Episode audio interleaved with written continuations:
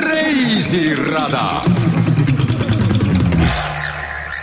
saade valmis koostöös institutsiooniga Presents Šveits. tere, Kuku raadio kuulaja. reisirada läheb selles saates Šveitsi. Šveits on tuntud kui rongide maa, mida ühe hingetõmbega nimetatakse ehk ainult veel koos Jaapaniga terminid nagu Glacier Express, Sankt Gotthardi tunnel on äravahetamatult seotud Šveitsiga sealt tulidki Eestisse uued rongid, mis kannavad intrigeerivat nime Flirt. vagunid valmisid Stadler Raili Pusnangi töökojas ning monteerimist jätkati sealt edasi Poolas. Pusnangis valmivad ka Retišebaani enda vagunid. kuulame, mida räägib peatselt sõitu alustavatest rongidest elektriraudtee pressiesindaja Norbert Kaareste ning räägime ka vedurijuhtide koolitajaga härra Hans Lutsiga.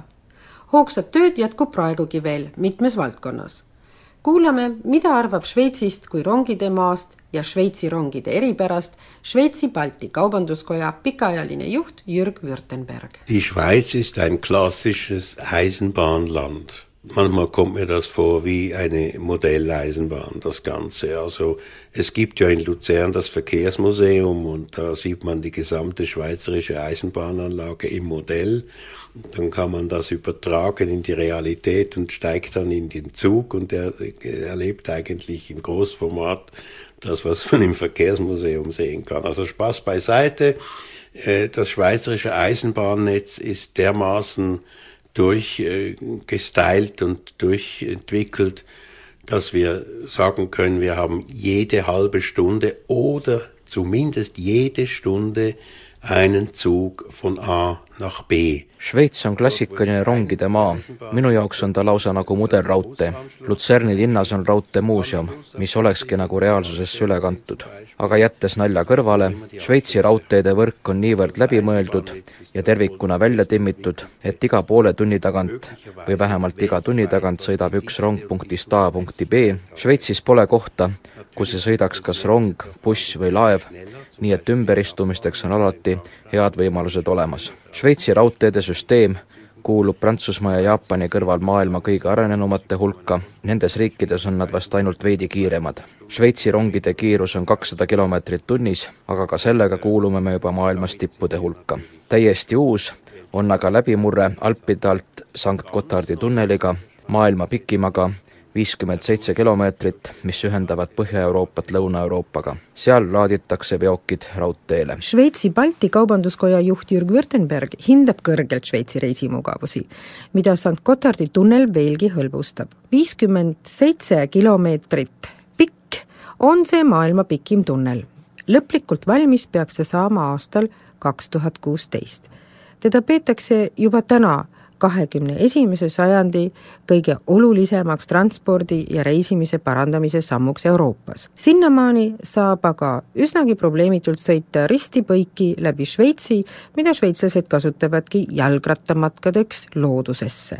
nii et perroonidel ja vagunites on enamasti hulganisti jalgrattaga reisijaid. Stadler-Raili peakorteris Pusnangis vaatame koos firmajuhi Peeter Jenelteniga disainipilte elektrirongidest, mis hakkavad peagi sõitma Eestis kaheksateist elektrirongi ja kakskümmend diiselrongi. rongid, mis Eestisse tulevad, kuuluvad Flirt perekonda, nemad on meie praeguseks lipulaevaks, ütleb Peeter Jenelten. Nendest on Stadler müünud juba viissada viiskümmend, nad sõidavad juba ning on end näidanud väga heast küljest. Eesti vajab aga veel investeerimist infrastruktuuri, leiab Peeter Jenelten.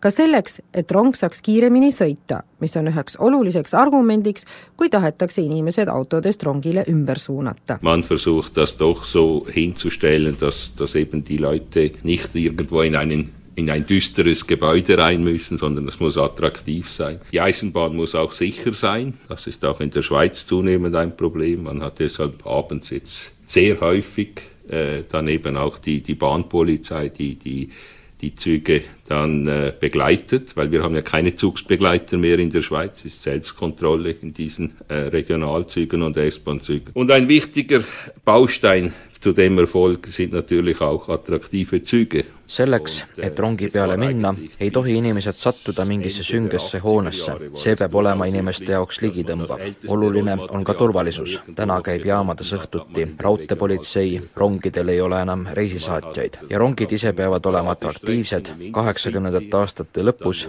leidis selles osas aset suur muutus. enne seda kasutati regionaalsete rongidena neid kõige viimaseid, vanimaid, veel kõlbulikke veeremeid, paraadtrassid anti aga Intercity kiirrongidele alates sellest ajast, kui regionaalrongide haldajad tellivad oma teenuse ühiselt ja maksavad osaliselt ise selle eest, on neil ka kaasarääkimise õigus. nii on muudetud sõiduplaani sobivamaks regionaalliikluse jaoks ning rongidesse saab mugavalt siseneda vagunid on seest valgusküllased ja puhtad. et selline areng on ennast õigustanud, seda näitab reisijate suur juurdekasv. rongisõidul on aga ka loomulikult oma hind, see ei ole odav.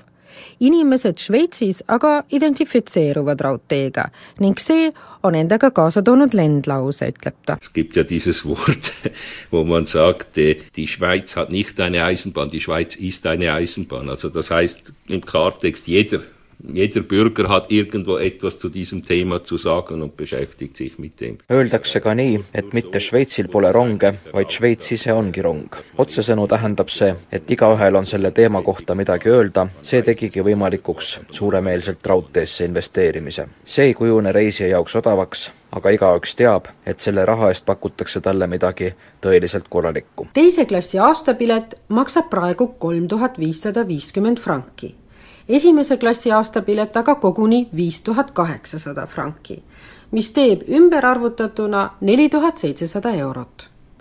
üksikpiletid pole samuti odavad, arvestades meie kohalikke hindu ja tingimusi, nii et aastapilet Šveitsis polegi nii hull summa. peale selle ühendab see kõiki ronge, laevu, praame ja ka kondleid. see ei tundu olema odav kogu liiklussüsteemi kasutamise puhul, aga ikkagi arutatakse veelgi edasi hindade tõstmise üle kui vaadata maailmas ringi, siis ütleb Peeter Jenelten, et suured erinevused on ka vahemaade läbimise osas. Peeter Jenelten meenutab, et kui ta Venemaal Jaroslavli rongiga sõitis, siis läbis ta kakssada kilomeetrit regionaalrongiga, aga Šveitsis oleks see vahemaa juba kiirrongi jaoks.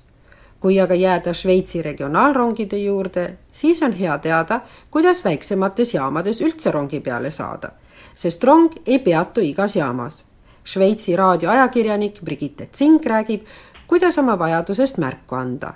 seda on oluline ette teada, kui viibid imetillukeses raudteejaamas kaugel suurtest autoteedest. Wenn man dort von dem Hauptort von Emmental, von Burgdorf richtig äh, Vasen im Emmental fährt, kommt man in ein kleines Bauerndorf, wo es vielleicht noch eine oder zwei Fabriken hat und von dort geht der Zug dann noch weiter. Und da gibt es Haltestellen, da muss man eben drücken, den Knopf drücken, halt auf Verlangen. Und der Zug hält wirklich nur still, wenn man darauf drückt, weil es ist so klein, also praktisch niemand steigt da aus und vielleicht zweimal im Tag steigt da jemand aus.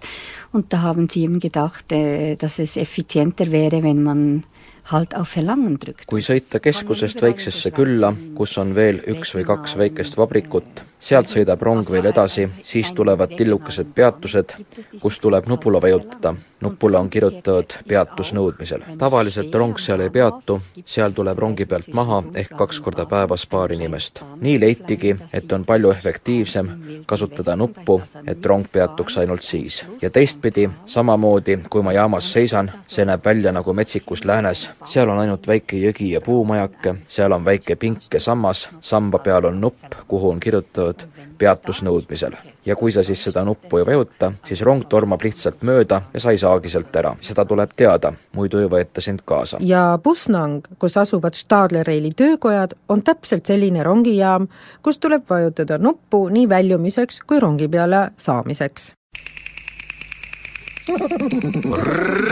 reisirada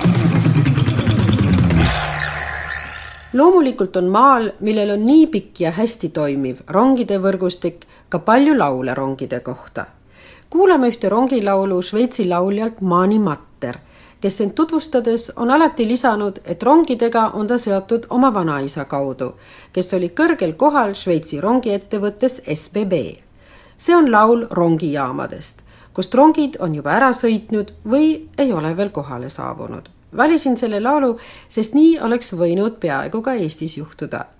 et need kaunid rongijaamad oleksid meile jäänud lihtsalt meenutusteks kunagistest rongiaegadest. Mani Matter oli elukutselt jurist oma laule esitas ta aga alati kohalikus keeles, mida kutsutakse schweizerisch. kes saksa keelt oskab, see saab laulu sõnumist kindlasti aru. Das ist das Lied von der Bahnhof, wo der Zug gang schon abgefahren ist oder noch nicht ist gekommen und es stehen Leute im Regenmantel dort und warten.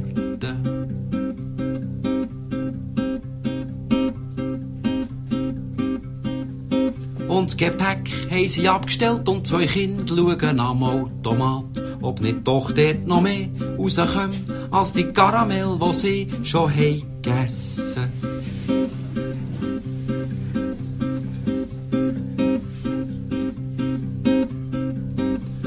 der Bahnhofvorstand telefoniert, Mütze hängen der Wand. Und im Wartsaal ist geheizt, sitzt der Mann, der einen Stumpen raucht, der stinkt und liest das Amtsblatt.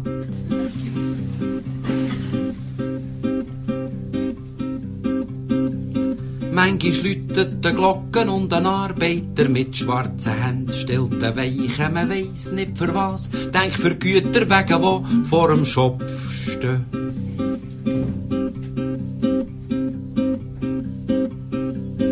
Und der Bahnhofvorstand legt Mütze an, es fährt ein Schnellzug vorbei und es luftet noch gäng, während dass der Vorstand schon seinen Hut wieder abzieht.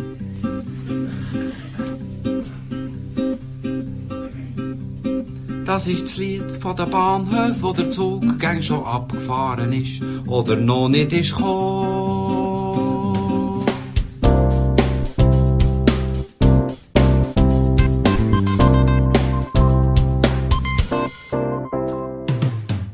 Das Fahrzeug beladen, also werden quasi das Fahrzeug mit Passagieren simuliert. Also um das Bremsverhalten und das Fahrverhalten einfach zu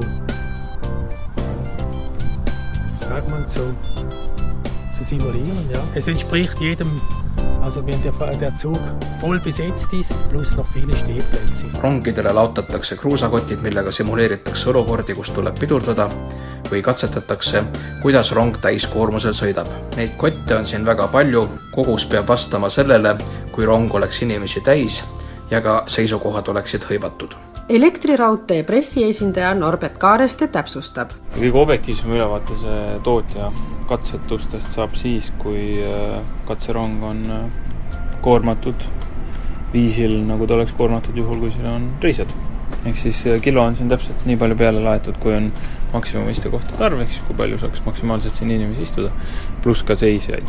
neljases elektrirongis on kakssada seitsekümmend neli istekohta ja kuskil viiskümmend protsenti sama palju seisukohti. rongid sõidavad oma katsetustel Tallinn-Aegviidu liinil ning nendega tehakse sellel ajal tublit tööd. rong on varustatud erinevate anduritega, samuti mõõdetakse rongis pardakompuutri erinevaid näitajaid ja siis sealt saab aimu, kas ta käitub nii, nagu tootja on lubanud meile kui tellijale, riigile ehk Tehnilise Järelevalveametile ja raudteeomanikule ehk Eesti Raudteele. aga kuidas need rongid lõpuks Eestisse jõudsid?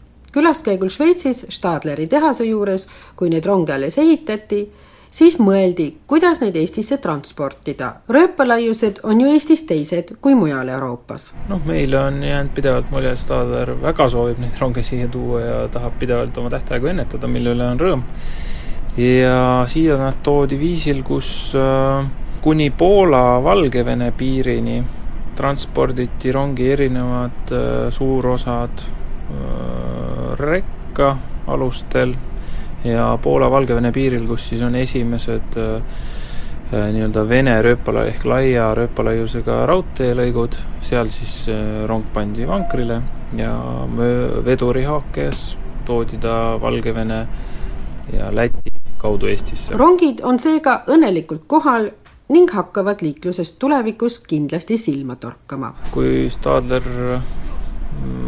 asus juba kere tootmisesse, siis enne seda kooskõlastati meiega rongi välimus, nad pakkusid erinevad variandid. meile sel hetkel sümpatiseeris see oranž, kuna ühistranspordis teist sellist värviliiki ei ole, teistpidi raudteel väga silmatorkav ja Stadler on selle oranži väga ilusti kerel välja toonud ja kaunistanud seda ka erinevate elementidega, mille üle meil on rõõm, nii et me oleme rahul selle valikuga ja, ja seni on ka kõik, kes meil külas on käinud, öelnud, et see on ilus ja särav rong. kõrva torkab aga esmajärjekorras uste avamise ja sulgemise heli.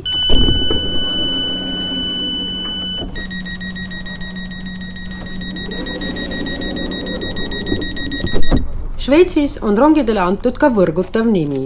Seda tutvustabki Norbert Kaareste. siis see konkreetne rong on Flirt seeriast, mis nende sõnul viitab sellele, et see rong on kiire ehk fast, kerge ehk light, äh, innovaatiliselt üles ehitatud ehk innovative ja regional ehk regionaalne rong ehk train, Flirt siis kokku tuleb nii saame nõustuda, et kõigile nendele omadustele see rong vastab. kas Eestis hakatakse neid ka flirtideks kutsuma või saavad nad teise nime? selle kohta arvab Norbert nii. Eestis on äh, rongiliiklus võrreldes muu Lääne-Euroopaga sellises väikses mahus, et ei maksa arvata, et reisijad kuidagi muud moodi kui rongiks neid ronge kutsuma hakkavad, aga kindlasti on meil mõned põnevad plaanid, kuidas äh, Äh, seda ise, iseärasust välja tuua nendel rongidel.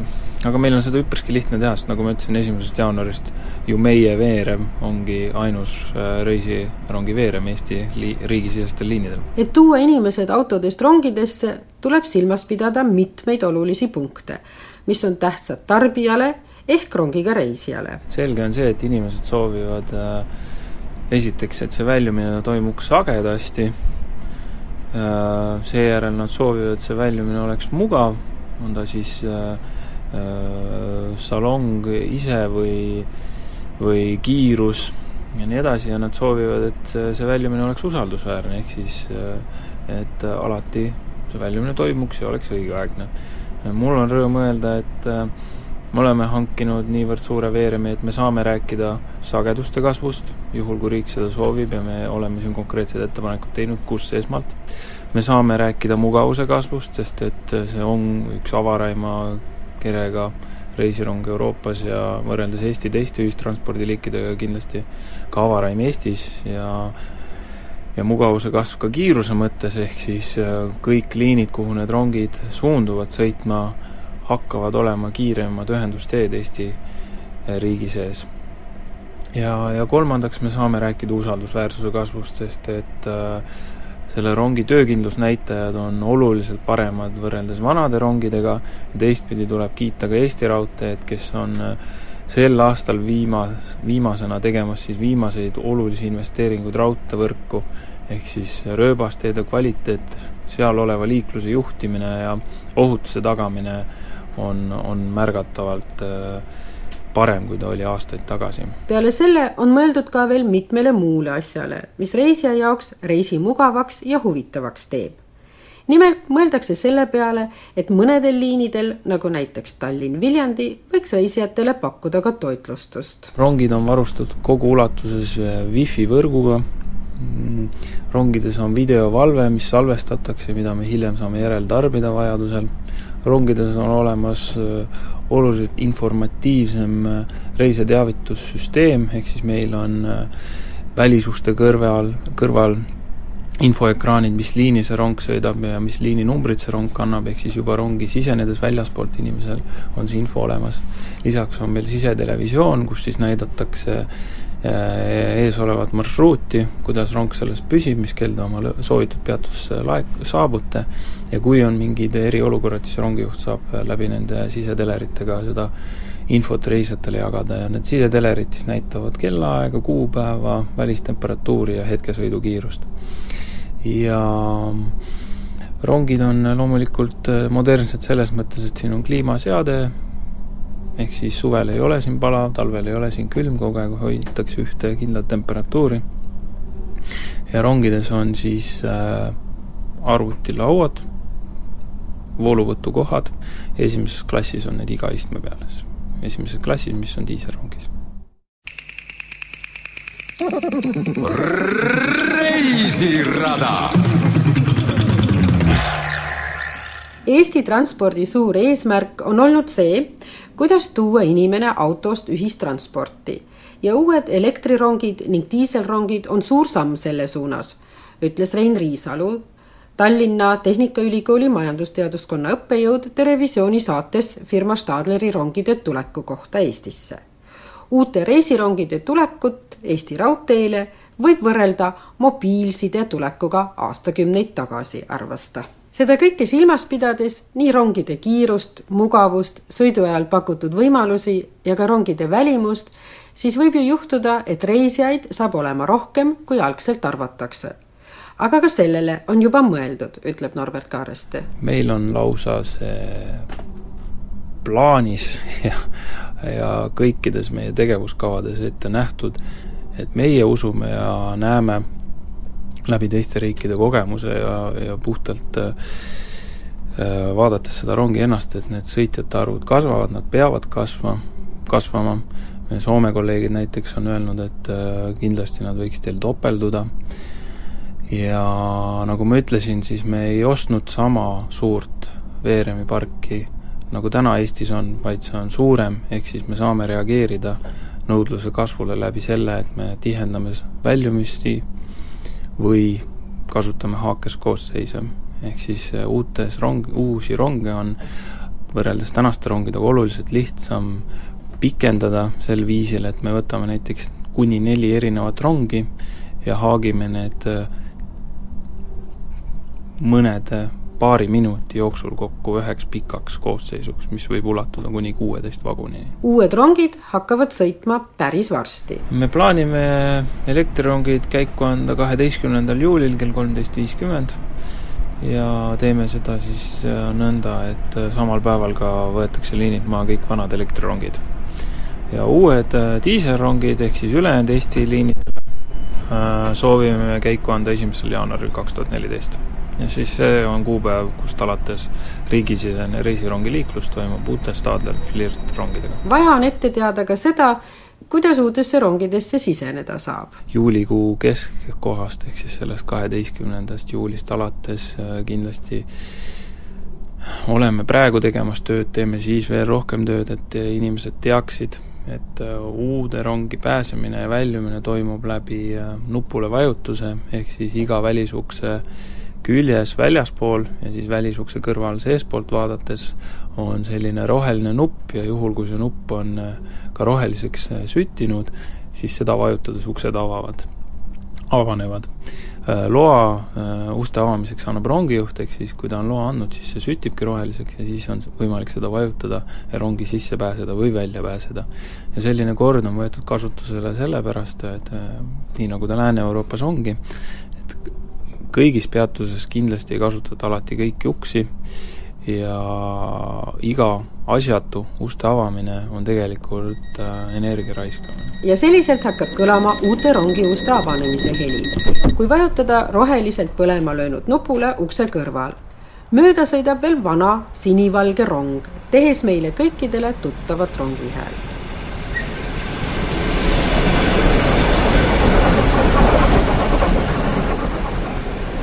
Vanadest sinivalgetest rongidest saavad oranžid rongid valgete triipudega. koos vanade rongide kadumisega kaob aga ära ka siiani tuttav rongihääl. et vana rong, nagu te ise kuulsite, on juba kaugelt tuttav ja kuulda siis uus rong tänu sellele, et on esiteks õhk patjadel sõitev, on õhkvedrustus, teistpidi raudtee ise on oluliselt paremas korras, siis see rongi lähenemine muutub märkamatuks ja selle võrra tuleb raudteel liigeldes alati ettevaatlik olla ja veenduda oma ohutuses.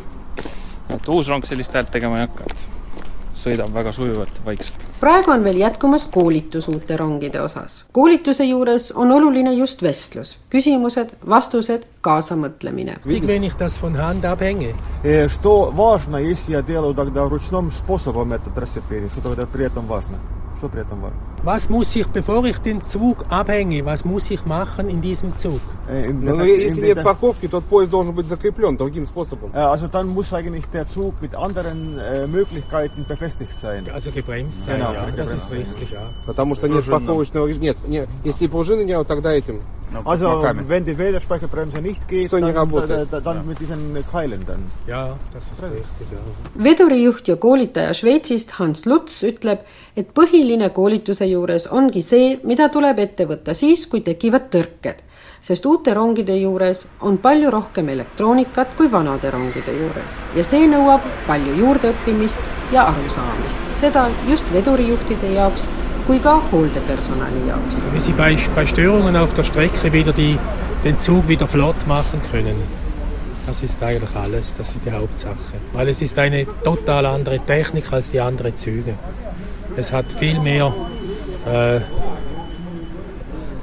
also die neueste Technik drin, mit viel mehr Elektronik als die alten Züge. Und das ist ein riesiges Umdenken für die Leute, für, vor allem für die Lokführer als auch für das Werkstattpersonal. Hans Lutz ise on ka vedurijuht, sõites Zürichist kuni Bodenseeni ning armastab oma elukutset siiani.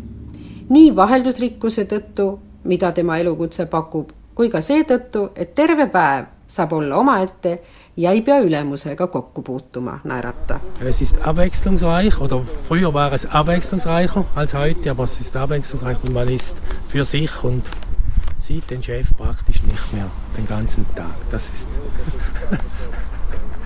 koolitusi vedurijuhtidele viib Hans Luts läbi ka Šveitsis. ta lisab, et lahkub Eestist peale rongijuhtide koolitust väga hea tundega. Also die Leute sind gut hier, also sind interess-, also sind interessiert und die machen mit und ich habe ein gutes Gefühl. inimesed on siin kõik väga pädevad ning väga aldid õppima. mul on seega väga hea tunne. kuna ka vedurijuhtide kabiinid on teinud läbi suure muutuse, siis on see ehk ka eelrõõm, mida rongijuhid täna tunnevad, hakates juhtima uusi ronge ergonoomilise ja moodsa disainiga kabiinidest et tsiteerida veel kord Tallinna Tehnikaülikooli majandusteaduskonna õppejõudu Rein Riisalut, siis tema visioon seoses uute rongide tulekuga Eestisse näeb välja selline. kui seitsme aasta pärast näiteks Raplas elav inimene sõidab hommikul rongiga tööle, siis saab ta osa tööst tänu internetile juba seal ära teha, selgitas Riisalu. tööandjad peavad jõudma sinnamaani, et rong on tegelikult samasugune töökoht nagu kontor. Rein Riisalu väga loodabki, et aastal kaks tuhat kakskümmend progressiivsed tööandjad just nii mõtlevadki. elektriraudtee pressiesindaja Norbert Kaareste sõnul näitavad mõttekäigud kogu Euroopas, et võetud arengusuund on väga lootusrikas. see on ju läbi erinevate arengukavade nii riigi sees kui ka Euroopa Liidus tegelikult välja öeldud et raudteevõrk kui selline on tugevama tähelepanu all selles mõttes, et seda tahetakse ja soovitakse arendada viisil, kus ta muutub transpordi selgrooks siin Eestis ja Euroopas. ehk siis äh, põhiliikumised suurkeskuste vahel, näiteks Eestis teeme rongiga ja sealt edasi koduukseni viib teid siis ka heal tasemel bussidel põhinev ühistranspordivõrk ja koostöös me saame selle vastu, et Eesti inimene ei pea autoomanik olema. ning tema ise ongi üks nendest reisijatest, kelle jaoks rongiliiklus omab olulist kohta argipäevas. no mina täna olengi oma teenuse kasutaja, ehk siis tööle ja koju ma sõidangi rongiga. täna küll veel sinivalge rongiga ja vana helisaatega. kokkuvõtteks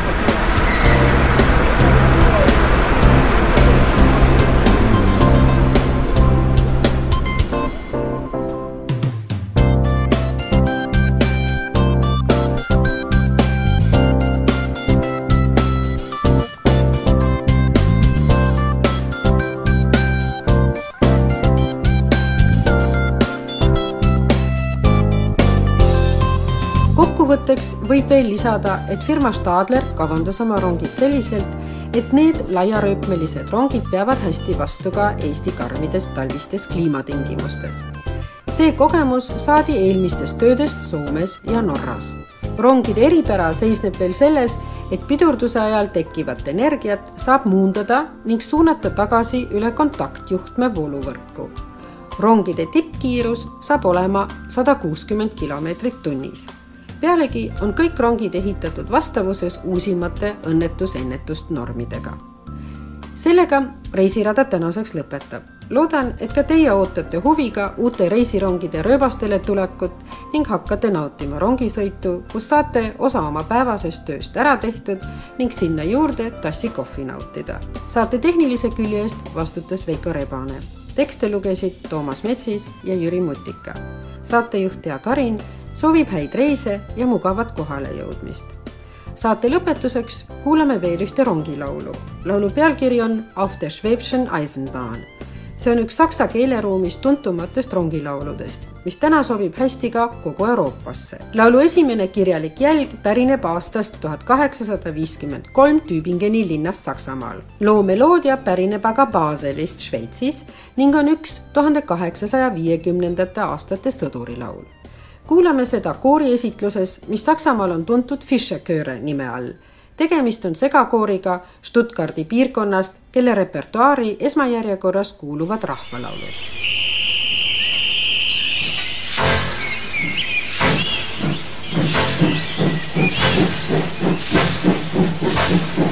Schwäbische Eisenbahner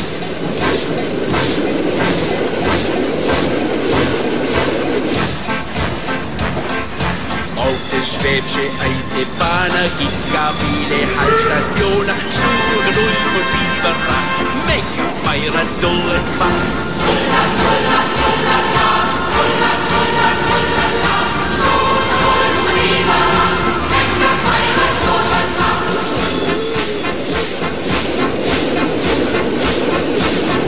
Schwäbische Eisenbahn, Wuldemoll, Bayern fahren, Kohlenschall und der Huhl. Am Willen, das sind so gut. Der Huhl.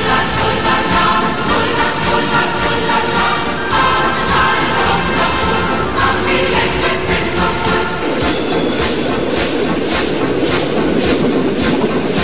Einen Bock hat er gekauft und dass er ihm nicht verlaufen findet in der gute Macht.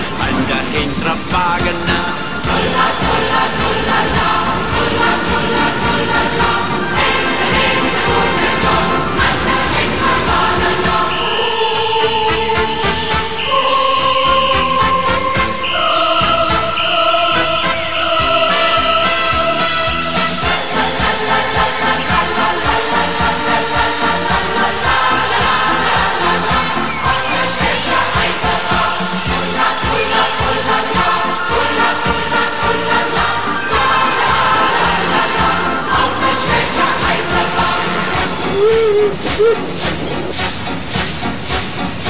Jede Siege wieder staut, der Bauer noch sein Bigel schaut.